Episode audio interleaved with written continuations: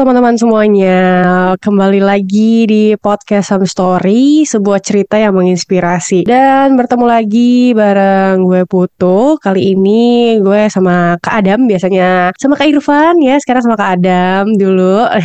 siapa tahu nanti kita ganti-ganti lagi ya. Nanti lihat deh siapa sama siapa lagi. Dan kali ini kita bakal ngulik suatu hal yang sangat menarik dan tentunya juga sama gestar yang menarik sih ya. Nggak mungkin dong ya podcast Some Story bawain gestar yang gak menarik bener gak sih hmm, Pastinya. tapi bakal bahas apa tapi ya nanti deh kita lihat tapi apa kabar nih Kak Adam udah baik tapi sibuknya lumayan padat ya dari kemarin tuh hmm. bahkan gua aja kita meeting podcaster aja gua gak ikut-ikut ya iya iya betul betul emang sih aku juga belakangan ini juga lagi cukup sibuk ya lagi banyak hmm. uas hmm. gitu kan ya tapi nggak apa-apa ya masih ada spare-spare waktu yang bisa aku bagi-bagi gitu kan oke okay, oke okay. berarti kabar aman terus mungkin udah kapan tes berarti? udah mulai nyusun sih ya. Kalau tesis sudah mulai nyusun dan kita bakal disuruh ngelapor buat nyari ini ya, nyari dos topik ya. Ya sulit ya. Tapi topik udah ada ya? atau gimana? Topik udah ada. Jadi ya udah, topik udah beres sih outline-nya, tinggal hmm. dikumpulin. Biasanya soalnya kalau di aku tuh kayak sistemnya kita bikin outline dulu baru nanti kita ngumpulin gitu. Jadi kayak nggak hmm. nentuin topik-topik terus dikonsulin kayaknya enggak deh langsung outline dulu gitu loh. Hmm. Gimana kadang tertarik? Gue tertarik kalau memang lo mau neliti tentang podcast. gue bakal bantu. waduh, waduh. Kayaknya kalau aku sebenarnya tadinya pengen ke situ, cuman ah. tuh kayak masih rada sulit gitu kan ya untuk nyari kombinasinya. Jadi aku lebih agak inline sama jurusan sebelumnya gitu. Oh iya iya iya. iya. Tapi hmm. emang kalau jurnal tentang podcast emang jarang ya? Jarang, jarang banget. Jurnal tentang podcast tuh mungkin kalau jurnal internasional karena aku tuh sistemnya ya lebih banyak pakai jurnal internasional dibandingkan jurnal nasional gitu kan. Hmm, hmm. Tapi ya yang namanya tinjauan pustaka ya tetap aja kan harus yang kalau di Indonesia kira-kira yang udah diteliti apa gitu. Jadi kayak sumbernya masih agak sedikit banget gitu loh. Jadi sumber itu juga bukunya juga agak sulit sih. Karena kan podcast tuh salah satu media baru ya kalau bisa dibilang. Iya iya iya benar sih. Harus ada calon-calon doktor yang buat disertasi tentang podcast kali ya. Mm-hmm. Banyak nih jurnal-jurnal atau teori-teori tentang podcast kali ya. Iya bener. Jadi sulit kalau nyari. Tapi kalau buat mah gampang. Oh iya bener. Buat tuh gampang karena sebelum kita mulai lanjut nih ngobrol-ngobrol di episode kali ini. Buat teman-teman yang ingin berpodcast juga kayak kita. Teman-teman bisa banget download app namanya Spotify for Podcaster. App yang bisa gunain untuk membuat dan mempublish show ini. Untuk ngasih tau lo juga kalau misalnya membuat podcast itu gampang banget dan 100% gratis. Dan gampang banget digunain semua yang kita perlu untuk membuat podcast juga ada di Spotify for podcaster ini termasuk juga untuk distribusi ke Spotify dan platform-platform podcast lainnya. Editing, recording, nambahin bumper dan juga closing. Yuk langsung banget download Spotify for podcaster dan langsung bikin podcast kayak kita. Di episode kali ini kita mau bahas apa nih? Kayaknya ini tuh bahas sesuatu hal yang waktu itu booming banget ya. Boomingnya tuh hmm. aku inget banget tuh sebelum sebelum pandemi ya. Sebelum pandemi itu udah mulai booming, terus hmm. pas pandemi mulai pelan-pelan booming. Abis pandemi pun juga booming lagi gitu kan. Hmm. Karena aku pernah melakukan hal tersebut gitu. Jadi kayak oh. kayak ngerasain, tapi beda dalam konteksnya tuh kayak kalau sekarang kan lebih modern, lebih yeah. tertata gitu kan ya. Kalau waktu yeah. itu aku ngerasainnya aku tuh ngelakuin ini tuh pas kuliah. Jadi untuk menghimpun dana gitu kan ya buat organisasi, aku hmm. melakukan hal ini gitu sama teman-teman organisasiku. Kira-kira kalau hal kayak gitu tuh sampai sekarang sih menurut aku ngelihat perkembangannya cukup baik sih ya. Tapi hmm. kalau misalkan ngelihat dari yang sebelum-sebelumnya yang belum hmm. terjamah hmm. gitu kan ya. Sebelum pandemi deh masih sedikit banget ya orang-orang yang tahu tren-tren ini gitu loh. Iya iya iya. Gue sebelumnya juga sebenarnya udah tahu juga dan banyak sekali mungkin kalau kita lihat di bisnis ini ya jualan mungkin ada banyak di mobil gak sih? Lu jualan kemarin gimana? Apa hmm. di toko kah atau di mobil kayak kayak great sale gitu tuh gimana? Kalau kita lihat ya di luar negeri kan kayak di hmm. di garage sale kayak gitu-gitu kan. Hmm. Tapi kalau aku waktu itu ngadainnya bukan ngadain sih tapi lebih nyari tempat di stadion. Biasanya di stadion oh. terus di car free day itu biasanya oh, iya, banyak Free Day. Hmm, jadi tapi kalau aku tuh bahasa bahasa daerahnya itu namanya ngawul. Jadi kita tuh bawa baju-baju yang memang sudah nggak kepake tapi masih hmm. dalam keadaan bagus gitu kan. Itu tuh kita open lapaknya pakai itu loh, pakai terpal. Terus kayak kita just naruh aja baju-bajunya. Terus ya udah nanti orang yang rebutan beli gitu. Kalau sekarang kan justru malah lebih bagus gitu kan. Jadi aku kayak kok keren ya sekarang ngelihatnya gitu loh. Hmm, iya iya. Lo berarti kalau ya kita ngomong soal thrifting ya. Berarti kalau hmm. nyari baju thrifting itu biasanya kalau sekarang kan, kan posisi sekarang di Jakarta kan. Dulu kan di uh, Semarang. Kalau sekarang gimana? Sebenarnya aku tuh jarang banget thrifting, tapi hmm. aku pernah sekali thrifting itu lewat sosmed. Jadi aku pakai Instagram karena oh. aku typically typically orang yang nggak bisa nawar. Jadi kalau thrifting itu kan kita harus pinter-pinter nawar kan. Jadi karena udah ada internet gitu kan, yeah, jadi yeah. memudahkan. Jadi ya udah aku mau barang yang ini, ya udah udah ada langsung harganya sekian. Udah deh pilih harga yang. Jadi biasa kalau di internet itu kan sebenarnya ada plus minus sih kalau thrifting lewat internet. Karena kalau internet kan kita nggak ngelihat barangnya langsung gitu hmm, kan. Hmm. Biasa kalau thrifting hmm. kita harus tahu nih ada hal-hal yang kayak defectnya apa dari produknya. Kalau hmm. misalkan kita nggak ngelihat langsung, kita takutnya sama aja kayak beli kucing dalam karung gitu kan. Nah, jadi ya aku nyari-nyari toko yang memang sudah banyak di digunakan oleh orang-orang yang waktu itu juga ngetrif gitu. Jadi beberapa hmm, hmm. influencer hmm. kan ada yang suka pakai baju-baju thrifting gitu kan. Nah, hmm. itu tuh mereka kayak biasanya ngetek kayak sosmed-sosmed dari toko thriftingnya itu apa, terus kayak ya aku mulai ngeliatnya dari situ. Kalau aku kayak gitu sih. Jadi hmm. belum pernah nih nyoba beli langsung karena harus bawa temen sih kalau kayak gitu. Iya yeah, iya yeah, iya. Yeah. Kita kenapaan numpung kayak lu masih di Jakarta, ya bisa kita paham kita menelusuri tempat-tempat thrifting. Kayaknya kalau kalau nggak salah di Blok M atau di mana ya Pasar Raya kalau nggak salah juga banyak. Salah sih hmm, gue lupa. Okay, nanti kita cari-cari. Kemudian nanti kayaknya kalau untuk nawar, gue juga masih belajar sama ibu-ibu karena mereka lebih jago kalau nawar. Betul. Iya. mereka ya, bisa harga baju lima puluh ribu bisa jadi ceban kayaknya. iya. ya, karena aku juga dulu thrifting itu orang tuh nawarnya bener-bener gila. Kita gila udah kayak sih. matok harga berapa, terus bener-bener kayak harga diri kita kayak bener-bener jatuh kalau ditawar sama mereka tuh. Hmm. Karena bener-bener ditawarnya tuh ya di bawah pasaran, pasaran harga baju gitu loh. Kalau aku dulu, tapi kalau sekarang mungkin karena sudah ada modernisasi dengan menggunakan toko, terus juga hmm. menggunakan sosial media, itu mungkin tawar menawarnya itu mungkin rada berkurang sedikit gitu kan Kak. Karena produknya pun juga diperbaharui. Maksudnya kayak diperbaharui itu kayak dicuci ataupun juga di laundryin atau juga disetrikain gitu kan. Kalau thrifting zaman dulu tuh mungkin nggak sampai di nggak sampai kayak di, di setrika ulang gitu kan. Iya iya iya benar benar benar. Oke, okay, mungkin biar lebih jauh kita nguliknya seperti biasa kita barengan sama Gestar. Di sini ada Kawi Dewa. Halo Kak, apa kabar? Halo, apa kabar? Baik sih, kok baik. Alhamdulillah gimana baik, nih ya, kabarnya? Aku alhamdulillah baik. Kalau Putu gimana? Aku juga baik nih. Lagi sibuk apa nih Kak Wido? Lagi sibuk bisnis thrifting sama lagi berorganisasi organisasinya di thrifting juga. Oh wow, ada ya organisasi thrifting deh. Aku baru tahu nih. Iya, tuh kita sih yang bikin gara-gara yang kemarin booming itu juga kita bikin organisasinya satu Indonesia biar kita bisa perjuangin lah semua lininya gitu di thrifting ini baik penjual, pembeli dan lain-lain seperti itu. Oke, okay. tapi boleh dong Kak, ini kan lagi bilangnya Kak Wido lagi sibuk sama bisnis thrifting. Boleh dong iya. cerita yeah. sedikit nih ya, mungkin teman-teman podcast Sam Story itu pada penasaran gitu kan ya tentang bisnisnya Kak Wido. Nah, Kak Wido tuh bisnis thriftingnya namanya apa dan dari sejak kapan gitu udah mulai bisnis ini? Oke, namanya Dragon Ball, Dragon Ball Bandung namanya. Terus kalau mulainya itu sih sebenarnya sebenarnya 2020 jadi baru tiga tahun gitu. Jadi latar belakangnya kenapa aku bisa terjun di thrifting? Dulu aku kerja kerjanya juga mm -hmm. di luar negeri malah di Filipina di komunikasi. Terus waktu itu pas banget covid aku pada lagi pulang ke Indonesia untuk mm -hmm. sebenarnya lagi ngambil cuti. Pas mau balik lagi ke sana udah ditutup gitu. Negaranya nggak boleh masuk orang dari mana pun waktu itu. Nah okay.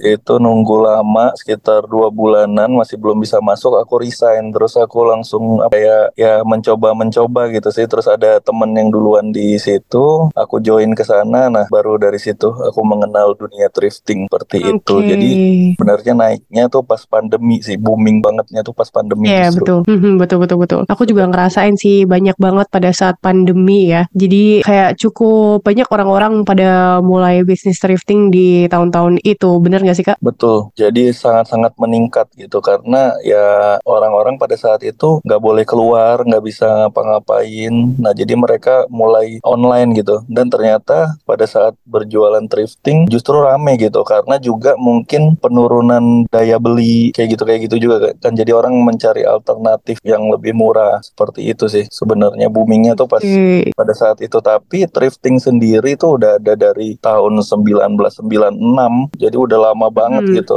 Jadi udah lama banget. ya gitu sih uh, tapi boomingnya tuh ya booming bangetnya itu pas kemarin pas lagi covid. Iya bener bener bener. Iya karena mungkin boomingnya gara-gara anak-anak muda juga gak sih kak? Iya betul. Anak-anak muda yang iya, generasi aku juga ngeliatnya banyak gitu sih. Iya. tapi kalau bisnis thrifting ini itu berarti udah maksudnya dibilang baru kak Wida berarti baru menggeluti gitu kan ya? Baru iya. menggeluti yeah. tapi mulainya tuh dari bisnis thriftingnya tuh mulainya kayak gimana tuh? Dari sosial media kah? Atau mungkin berjualan secara langsung kah atau gimana tuh kak? Ya jadi waktu itu aku kenal sama temen aku kuliah. Dia udah jalan duluan di bisnis ini. Terus karena mungkin terpaksa ya waktu itu karena pemutusan kerja bukan pemutusan kerja sih karena nggak bisa lagi karena covid aku resign. Mm -hmm. mau nggak mau tuh harus udah mencari penghasilan baru lah gitu ya. Nah terus aku kenal sama temenku yang dari kuliah itu dia ngajakin ayo ke sini katanya main katanya gitu kan ke tempat aku gitu di Bandung memang pusatnya di Bandung Gede Bagi sih gitu. Jadi ya udah aku datang ke sana lihat-lihat kok asik gitu ya. Mereka jualan thrifting gitu. Nah terus aku mulai mau coba tuh di situ. Jadi aku beli tuh thriftingnya aku jual sendiri. Wah ternyata sangat-sangat menguntungkan gitu. Sampai-sampai ya aku bikin gudang sendiri terus aku jalanin onlinenya. Jadi sebenarnya aku tuh termasuk pelopor online gitu ya di dunia thrifting ini. Karena sebelumnya mereka itu berjualan tuh sangat-sangat ini banget gitu manual banget gitu jadi orang datang nungguin orang datang hmm. ada yang nawar ada yang ini gitu dijual gitu Nah tapi aku tuh pertama pas terjun ke sana justru pas pertama aku buka tempatnya tuh aku langsung rekrut videografer sama konten kreator dulu. Jadi langsung okay. aku kontenin terus bikin platform-platformnya semua di Facebook, di TikTok, di Instagram kayak gitu sih. Jadi hmm, okay. aku kencenginnya di situ gitu. Oke, okay, berarti mulainya langsung ke online gitu ya karena ngelihat yeah. dari awal itu ya cukup ini ya cukup menarik ya Iya, kayak gitu sih. Jadi ya ternyata pada saat sudah menjangkau online jadi enak banget gitu. Jadi bukan kita yang cari pembeli tapi orang-orang yang mencari kita gitu. Kalau misalnya lagi okay. rame konten-konten kita lagi viral gitu sampai per, per orang per CS tuh dulu aku punya sampai 15 CS itu Wow, banyak banget. Iya, itu yang paling atas kalau lagi viral tuh 500 chat per hari gitu per orang. Hmm, oke. Okay. Hmm. Sampai kayak gitu. Berarti itu berarti baju-bajunya itu dalam satuan kah? Atau gimana? Kan kita tahu ya kalau sekarang kan ada yang udah dikemas dalam bagaimana bentuk misalkan ada juga yang udah package gitu. Nah itu dijual waktu awal-awal dijualnya tuh kayak gimana? Di persatuan kah atau gimana? Karena kan udah sampai ada 15 CS tuh. Nah itu gimana ya. tuh? Ya jadi dulu awalnya tuh aku uh, jualnya satuan. Jualnya satuan mm -hmm. beli itu satu bal lah gitu. Okay. terus kita buka kita foto-fotoin kita jualin tuh satu-satu gitu. Tapi yang sampai sekarang-sekarang kita udah mainnya kayak jual paket usaha terus karungan terus mm-hmm. bahkan bal-balannya juga seperti itu sih. Jadi kita udah kayak di tiga lini gitu. Jadi lini eceran satuannya baik paket usahanya dan juga bal-balan seperti itu sih. Cukup menarik ya kalau dulu jual satuan sekarang udah sampai satu bal gitu ya. Tapi pernah hmm. zong nggak sih kak kalau misalkan beli satu bal gitu. Kan aku juga pernah punya ya teman-teman yang memang kayak mereka tuh mau mencoba gitu kan. Terus kayak mencari teman-teman lainnya untuk patungan untuk beli satu bal kayak gitu. Tapi waktu awal-awal pernah nggak sih kayak ada zong gitu beli satu bal terus ternyata ada beberapa barang yang nggak bisa dijual lagi gitu. Sebenarnya kalau zong itu zong ke, secara keseluruhan tuh nggak ada ya dunia mm -hmm. thrifting itu. Karena gini mereka itu udah punya pabriknya dan udah punya quality control. Jadi sekarang tuh udah bisa kita takar dalam satu bal itu yang zongnya itu paling sekitar 2 sampai 8 persen mm-hmm. gitu. Nah tapi memang aku pernah sih ketemu satu bal tuh isinya zong karena pada saat dibuka itu waktu itu bal wedding dress isinya tuh wedding dress tapi udah digunting-guntingin itu doang sih yang paling zong. Yang lainnya sih nggak okay. aman. Jadi range-nya udah bisa kita range dengan pengalaman yang kita udah buka terus itu sekitar 2 sampai 8 persen. Hmm, gitu. Nah ya. tapi kalau kayak gitu berarti barang-barangnya atau baju-bajunya itu bakal digimanain tuh kak? Tadi kan Kak Wido bilang ada wedding dress itu udah ada yang digunting-gunting segala macam. Nah itu dari Kak Wido sendiri itu ngepermak lagi kah atau kayak ya udah berarti itu nggak bisa dipakai, berarti itu dibuang atau gimana gitu? Jadi pada saat itu pertamanya sih nyerah sih langsung wah ini nggak bisa mm -hmm. dijual gitu ya. Terus okay, tapi okay. pada saat dilihat dilempar ke orang yang bisa ngolahnya ternyata mereka bisa olah gitu. Jadi sama mereka diperbaikin yang ininya dibuang terus ditambal lagi dijahit lagi gitu-gitu sih. Malah hasilnya jadi bagus hmm. gitu seperti itu sih. Oke okay, oke. Okay. iya sih ya. Karena biasanya hmm. kalau ada barang-barang seperti itu tuh yang masih bisa diperbaiki biasa sama tangan-tangan ajaib gitu kan ya, ya bisa aja ya diberesin. Mungkin lebih ke dampak positifnya apa gitu bagi perekonomian bagi oh juga bagi si bisnis thriftingnya yang lagi berkembangnya. Saya maksudnya apakah mungkin ini bisnis yang kadang yang kayak kalau lagi viral ya viral habis itu kayak mulai meredup lah kayak gitu. Kemudian komennya juga soalnya kan juga ibaratnya dibilangnya kayak ke arah bikin negatif karena memang kayak keluarnya peraturan pemerintah Menteri Perdagangan yang kemarin gitu ya soal dilarangnya untuk thrifting misalnya gitu itu gimana pengaruh juga ke bisnis thrifting saat ini juga kayak gitu mungkin dari dampak okay. positifnya dulu mungkin dampak positif ya hmm. dampak positifnya itu sebenarnya sangat-sangat berdampak positif pada saat covid kemarin itu banyak hmm. terjadi pemutusan pekerjaan jadi orang-orang banyak kehilangan pekerjaan dan thrifting itu bisa ngangkat pengangguran jadi pekerjaan gitu jadi hmm. waktu pada saat kemarin juga kita dilarang itu kita sempat bertemu anggota DPR sempat ketemu dengan menteri-menteri menteri kita bawa data gitu ternyata hmm. thrifting bisnis thrifting ini bisa pelakunya itu ada dua juta setengah itu yang bener-bener orang hmm. jualannya gitu dua juta setengah itu sangat-sangat meningkat dua juta lima ratus orang gitu jadi UMKM-nya tuh malah banyak gitu di sisi itu nah pelakunya baik itu hmm. pembeli pencinta penjual eceran atau penjual apa pun itu sekarang di posisi 10 juta se Indonesia oh. jadi bener-bener sengaruh itu gitu hmm. bisnis ini jadi kemarin yang sebelumnya orang banyak kehilangan pekerjaan, termasuk hmm. saya sendiri gitu ya. Pada hmm. saat kami menggelutin ini dan ternyata bisa menghasilkan gitu, ya hmm. sangat-sangat hmm. membantu. Nah, tapi dengan kemarin pemerintah seperti itu malah berdampaknya negatif gitu. Jadi banyak orang-orang kehilangan lagi gitu. Seperti itu sih. Nah, itu yang mau hmm. saya perjuangkan tuh sih kalau dampak positifnya itu terus dampak positif lagi sebenarnya di lingkungan ya, di lingkungan green. Kalian pernah baca nggak untuk buat membuat satu baju berapa ya. air bersih yang diperlukan itu uh, air bersih yang diperlukan itu sekitar satu galon gitu. Okay. Eh sorry, 10 galon, 10 galon. Nah kalau misalnya itu satu baju loh. Kalau misalnya berapa hmm. baju, berapa banyak lagi, terus ya itu sih. Jadi sebenarnya justru di luar negeri, di Amerika, di Eropa sekarang mereka lagi menggalakkan penggunaan baju reuse gitu daripada mereka harus bikin lagi dengan ya mengotori lingkungan gitu, polusi segala hmm. macam pabrik-pabriknya. Ternyata ya emang di sana malah lagi menggalakkan untuk menggunakan gunakan lagi baju-baju itu daripada dibuang daripada menjadi sampah gitu lebih hmm. baik dipakai lagi sama orang lain yang lebih membutuhkan atau ya cocok okay. seperti itu sih oke okay. berarti sepengaruh hal itu ya untuk peraturan tadi ya gitu ya karena ada hmm. peraturan itu jadi lumayan terdampak walaupun sebenarnya positifnya dengan adanya terwujudnya termasuk ekonomi juga dengan adanya covid jadi lumayan membantu ya selama ada thrifting bisnis thrifting ini juga kan terus kemudian berarti apa ada lagi yang mungkin dampak positifnya atau sebelum aku juga pengen lebih tahu tahu soal kayak tantangannya yang jalanin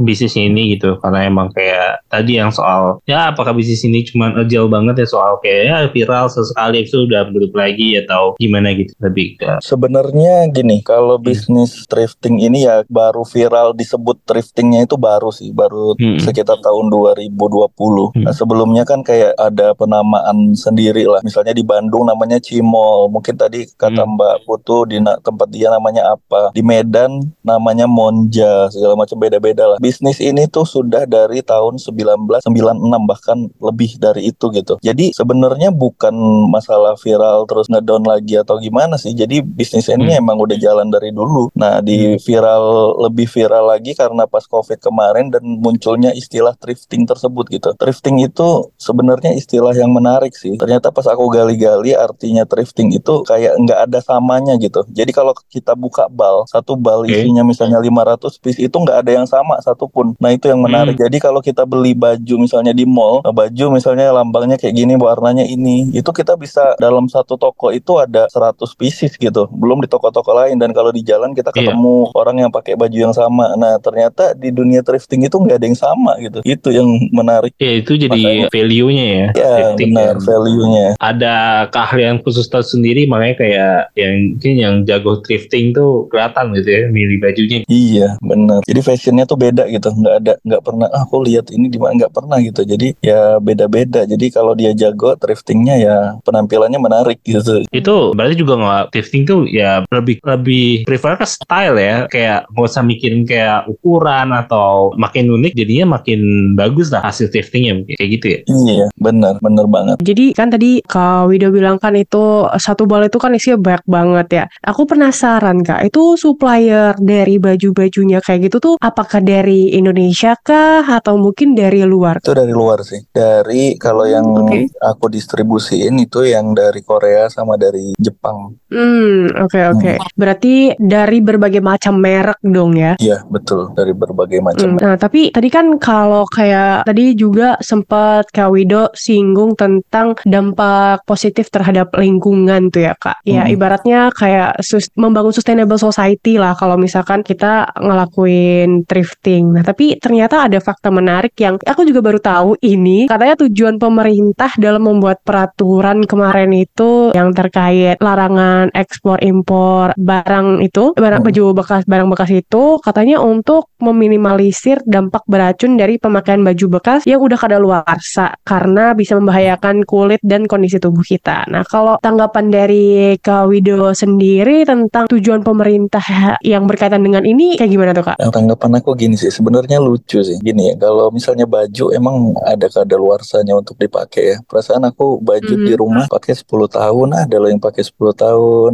pakai lima tahun mm. itu gak ada kadaluarsanya. Dan kalau misalnya beracun, emang ini dimakan gitu. Enggak kan? Jadi ini dipakai. Mm. Jadi mungkin ya emang ini adalah bahan yang dipakai hampir setiap tahun. Jadi aku memang dari tahun 2020 tuh udah ngadepin ini setiap tahun benar-benar sebelum lebaran. Itu emang isu mm -hmm. ini digaungkan terus gitu. Sama ya okay. beberapa gelintir orang, tapi kemarin memang kenapa bisa viral banget dan kayak gitu memang pada saat ada komen gitu dari dari pemerintah dan presiden sendiri yang komenin itu jadi kayak seluruh elemennya itu bergerak gitu karena kayak gitu mm -hmm. sih. Nah, tapi sebenarnya ini tuh aku udah bosen gitu tiap tahun tuh ngadepin itu-itu aja gitu. Jadi setiap tahun setiap sebelum lebaran nanti diangkat nih isu ini wah thrifting itu tidak bagus ada jamur segala macam segala macam. Aku sih selama pakai thrifting ya aku malah dari dulu ya sebelum aku berkecimpung di bidang ini yang bisnis ini mm -hmm. aku udah pakai gitu thrifting dari zaman aku kayaknya SMP deh SMP SMA aku udah pakai aku nggak pernah tuh misalnya kulitnya kenapa tiba-tiba muncul apa segala macam ya karena pada saat kita beli nggak langsung kita pakai kan thrifting itu kan Betul. pasti kita cuci kan mm -hmm. malah kita siram air panas gitu direndam di air panas terus ya pasti bakterinya udah pada hilang gitu kalau misalnya ini dibawa ke sini terus untuk dimakan ya pasti banyak kumannya. Tapi kalau untuk dipakai ya penggunanya thrifting sendiri udah pada cerdas-cerdas gitu. Nggak usah dikasih tahu segala macam mereka udah tahu pasti harus dicuci harus diapain. Ada cara-caranya tersendiri unik-unik loh. Orang-orang tuh ada okay. yang pakai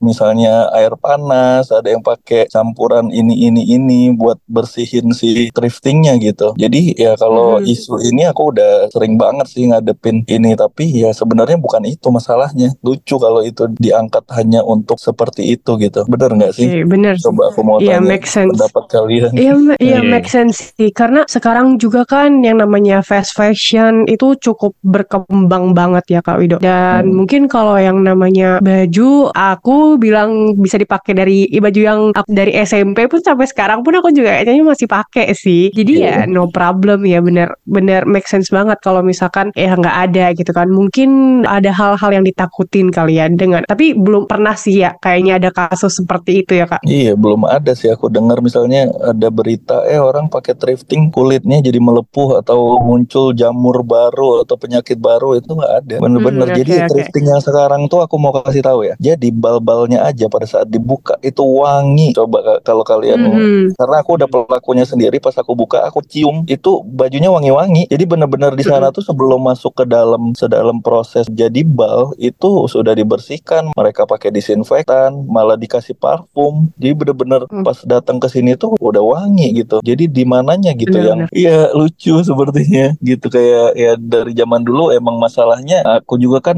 kayak udah kenal sama orang-orang yang udah berkecimpung dari berpuluh-puluh tahun di bidang ini ya ternyata mereka dari zaman dulu digaungkannya masalahnya ini ini aja seperti itu setiap tahun itu Mhm. gitu Iya, iya. Padahal kan sekarang yang namanya teknologi laundry itu udah ada gitu ya kan Kak. iya Karena- iya. Karena kan sekarang aku juga ngelihat kalau orang-orang thrifting tuh di displaynya sedemikian apiknya, terus juga ya udah jadi bener-bener kayak ada yang mungkin di retouch lagi gitu kan. Jadi kayak lebih lebih kelihatan rapi, bagus gitu kan. Makanya mungkin orang-orang tuh rada salah kaprah kali ya dengan hal-hal demikian. Bener dan thrifting itu dalam satu balnya itu nggak semuanya second loh kalian percaya nggak jadi banyak juga yang masih ada tag label tag labelnya serius Wow. Hmm. Iya Berarti itu karena kayak barang kenapa? reject gitu ya? Iya, jadi gini, kenapa bisa thrifting masuk Indonesia kayak dari Korea dan dari Jepang? Jadi sebenarnya alasannya di sana itu ada empat musim. Jadi karena di Mhm. sana ada empat musim, jadi kayak semi panas, gugur dingin, mereka tuh bajunya berbeda-beda. Kalau kayak orang Indonesia, aku pakai kaos, ini kaos dari Januari sampai Desember aku pakai, nggak ngaruh kan? Iya. Emang kita pakainya itu aja kan. Nah tapi kalau mereka tuh kayak musim panas pakai kaos, nanti udah tiga bulan disimpan lagi untuk pakai tahun depan lagi gitu. Nah mereka tuh daripada menyimpan, biasanya mereka itu kayak ya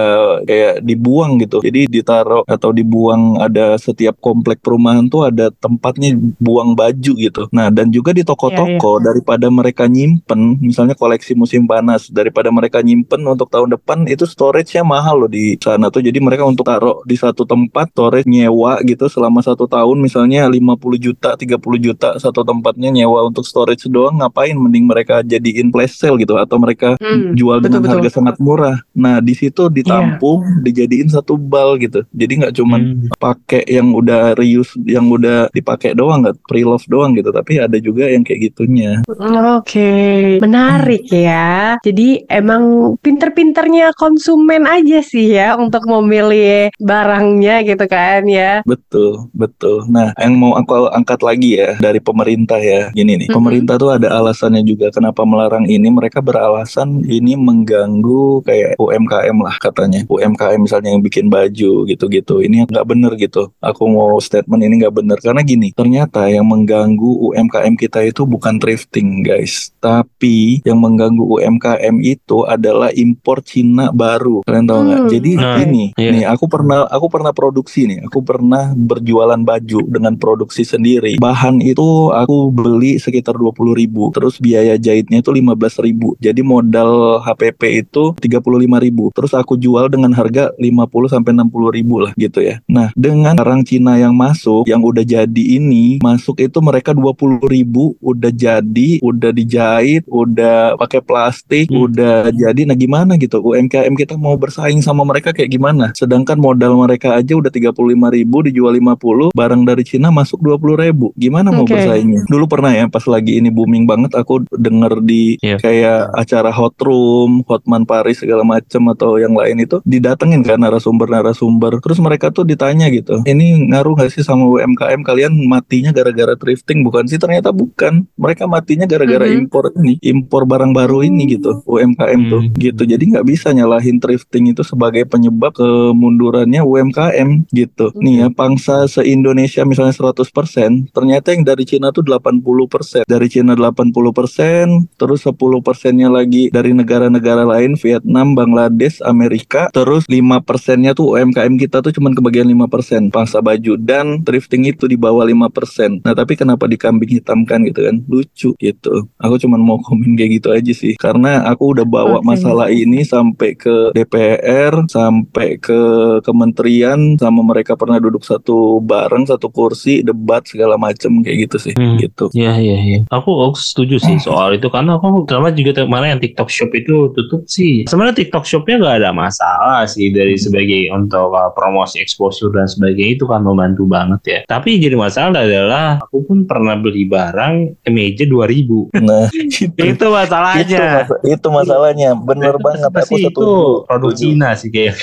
Nah Karena kan itu, TikTok dari Cina kan. iya itu masalahnya. Sebenarnya kita tuh jangan ngelarang TikTok jangan ngelarang orang jualan di TikTok. Tapi yang kita lakukan sebagai pemerintah nih ya. Maksudnya kalau aku bisa di sisi pemerintah gitu ya. Pertama aku akan melakukan edukasi. Edukasi sama orang-orang di pasar Tanah Abang di pasar Senen. Nih kayak gini loh jualan sekarang tuh udah pakai digitalisasi loh. Pakai sosial media pakai apa. Kalian kayak hmm. gini loh caranya bikin akun gini loh caranya moto gini loh caranya apa. Lakukan edukasi sebanyak-banyaknya di sana. Tinggal kasih satu dua orang di sana untuk mengedukasi setiap ini bila perlu adakan satu seminar atau apa untuk orang-orang di, di Tanah Abang atau apa gitu daripada kita menutup platformnya. Dengan menutup platformnya kan orang jadinya yang tadi jualan dapat penghasilan sekarang jadi pengangguran lagi gitu. Susah lagi mereka. Gitu kan ngapain kayak gitu seperti itu gitu kan. Nah terus yang kedua mereka harusnya melakukan regulasi. Dengan yeah. barang Cina yang datang tadi pajaknya sekian ininya sekian regulasinya kayak gini dipersulit diperketat. Jadi nanti pada saat nyampe ke sini harganya bisa sama dengan harga UMKM yang berjualan di sini gitu. Jangan datang ke sini baju harga 2000 gimana UMKM kita bisa bisa survive kan? Kayak gitu kan? Iya iya seperti benar, itu loh. Iya iya, iya setuju gitu. itu. Karena emang kadang pemerintah kita selalu mengambil solusi yang gampang penuh dengan politisasi kalau dibilang gitu. Iya. karena emang mendekati 2024 dan menterinya juga salah satu ketua partai. Jadi memang ya kelihatannya seperti itu kan dirinya. Kesannya ya yang dibangun gitu. Mungkin ya dua pertanyaan terakhir kali ya untuk menutup episode kali ini. Apa sih yang mungkin dari ya, khususnya UKM bisnis drifting yang dibutuhkan ke depan tuh apa? Selain kan dari regulasi kemudian dukungan seperti apa yang diinginkan kemudian juga pesan buat teman-teman yang mau nih masuk ke dunia terjun ke dunia drifting gitu. kalau pertanyaan yang pertama ya kayak yang tadi aku udah bilang apa yang harus dilakukan itu sebenarnya adalah meregulasi dengan benar gitu ya. Kita cari runut masalahnya apa sih? Kita punya masalah kata kalau kata mereka masalahnya jamur oke okay, gitu kita lihat gitu jamur seberapa berpengaruhnya. Atau misalnya UMKM oke okay, UMKM nggak bisa bersaing. Apa nih masalahnya UMKM nggak bisa bersaing jangan misalnya main nyalahin aja ini thrifting yang bikin UKM enggak. Kita coba lihat tanya di lapangan kayak gimana gitu. Jadi regulasi yang paling penting dan edukasi dua itu sih. Regulasi kita tuh bisa bikin regulasi biar gimana caranya UMKM tetap jalan tapi ya impor juga bisa gitu. Mereka kan pemerintah kan butuh itu untuk butuh impor dan ekspor itu jadi seimbang atau kayak gimana. Nah butuh memang di situ butuh tapi kita juga harus meregulasi biar UMKM kita nggak mati gitu. Dan kita juga harus mengedukasi mau nggak mau ini udah zamannya digitalisasi gitu. Jadi daripada orang berjualan online lebih baik hmm. mengedukasi orang yang nggak jualan online biar jadi online yeah. gitu sih. Nah terus yang kedua untuk teman-teman semuanya gitu yang ingin misalnya berkecimpung di bisnis ini ya it's okay kalian bisa banget gitu. Mulai dengan modal yang sangat kecil kalian bisa beli paket usahanya nggak harus langsung satu bal misalnya beli dulu aja paket usaha terus coba dulu berjualan. Hmm, hmm. sambil misalnya sambil kuliah atau sambil misalnya lagi kerja nih sekarang terus mau dapat penghasilan tambahan atau untuk yang udah nikah dan istrinya di rumah itu bisa banget gitu kalian bisa mulai bisnis ini dengan modal yang sangat kecil gitu untuk mendapatkan hasil yang lumayan gitu. Jadi ya mulailah dari sekarang gitu. Dan pesan aku kalau mau terjun ke dunia ini kalian harus kuat di branding kuat digitalisasi. Misalnya ya jualannya tuh jangan cuman aku setuju sih sama misalnya Kak Putu uh, punya barang thrifting terus dijual di Car Free Day segala macam itu bagus keren gitu. Tapi juga coba di online-nya gitu. Jadi jualan baik di platform apa pun itu Facebook Instagram TikTok gitu dan pelajarin algoritmanya. Jadi jualan di platform-platform itu berbeda gitu. Cara jualannya di TikTok tuh berbeda algoritmanya berbeda di IG algoritmanya berbeda di Facebook algoritmanya berbeda. Nah itu dipelajarin terus ya jualan. Banyak kok tips-tipsnya di TikTok tips-tipsnya di YouTube. Jadi mulai sih. Jadi kalian harus segera mulai berbisnis baik itu bisnis thrifting atau apa pun biar menjadi penghasilan tambahan sih seperti itu sih dari aku. Ini aku dapat banyak insight terutama mungkin aku yang kayak ya cuma lihat dari luarnya ya bisnis thrifting dan emang kayak orang yang pernah mencari baju thriftingan gitu ya. Tapi mungkin ini jadi menarik dan aku harus coba juga. Dan mungkin ke depan ini juga karena emang kayak kebetulan orang tua juga di bisnis fashion juga di UMKM memang ya berasa banget ya ketika ada barang-barang yang memang dari Cina juga yang harganya kayak gitu.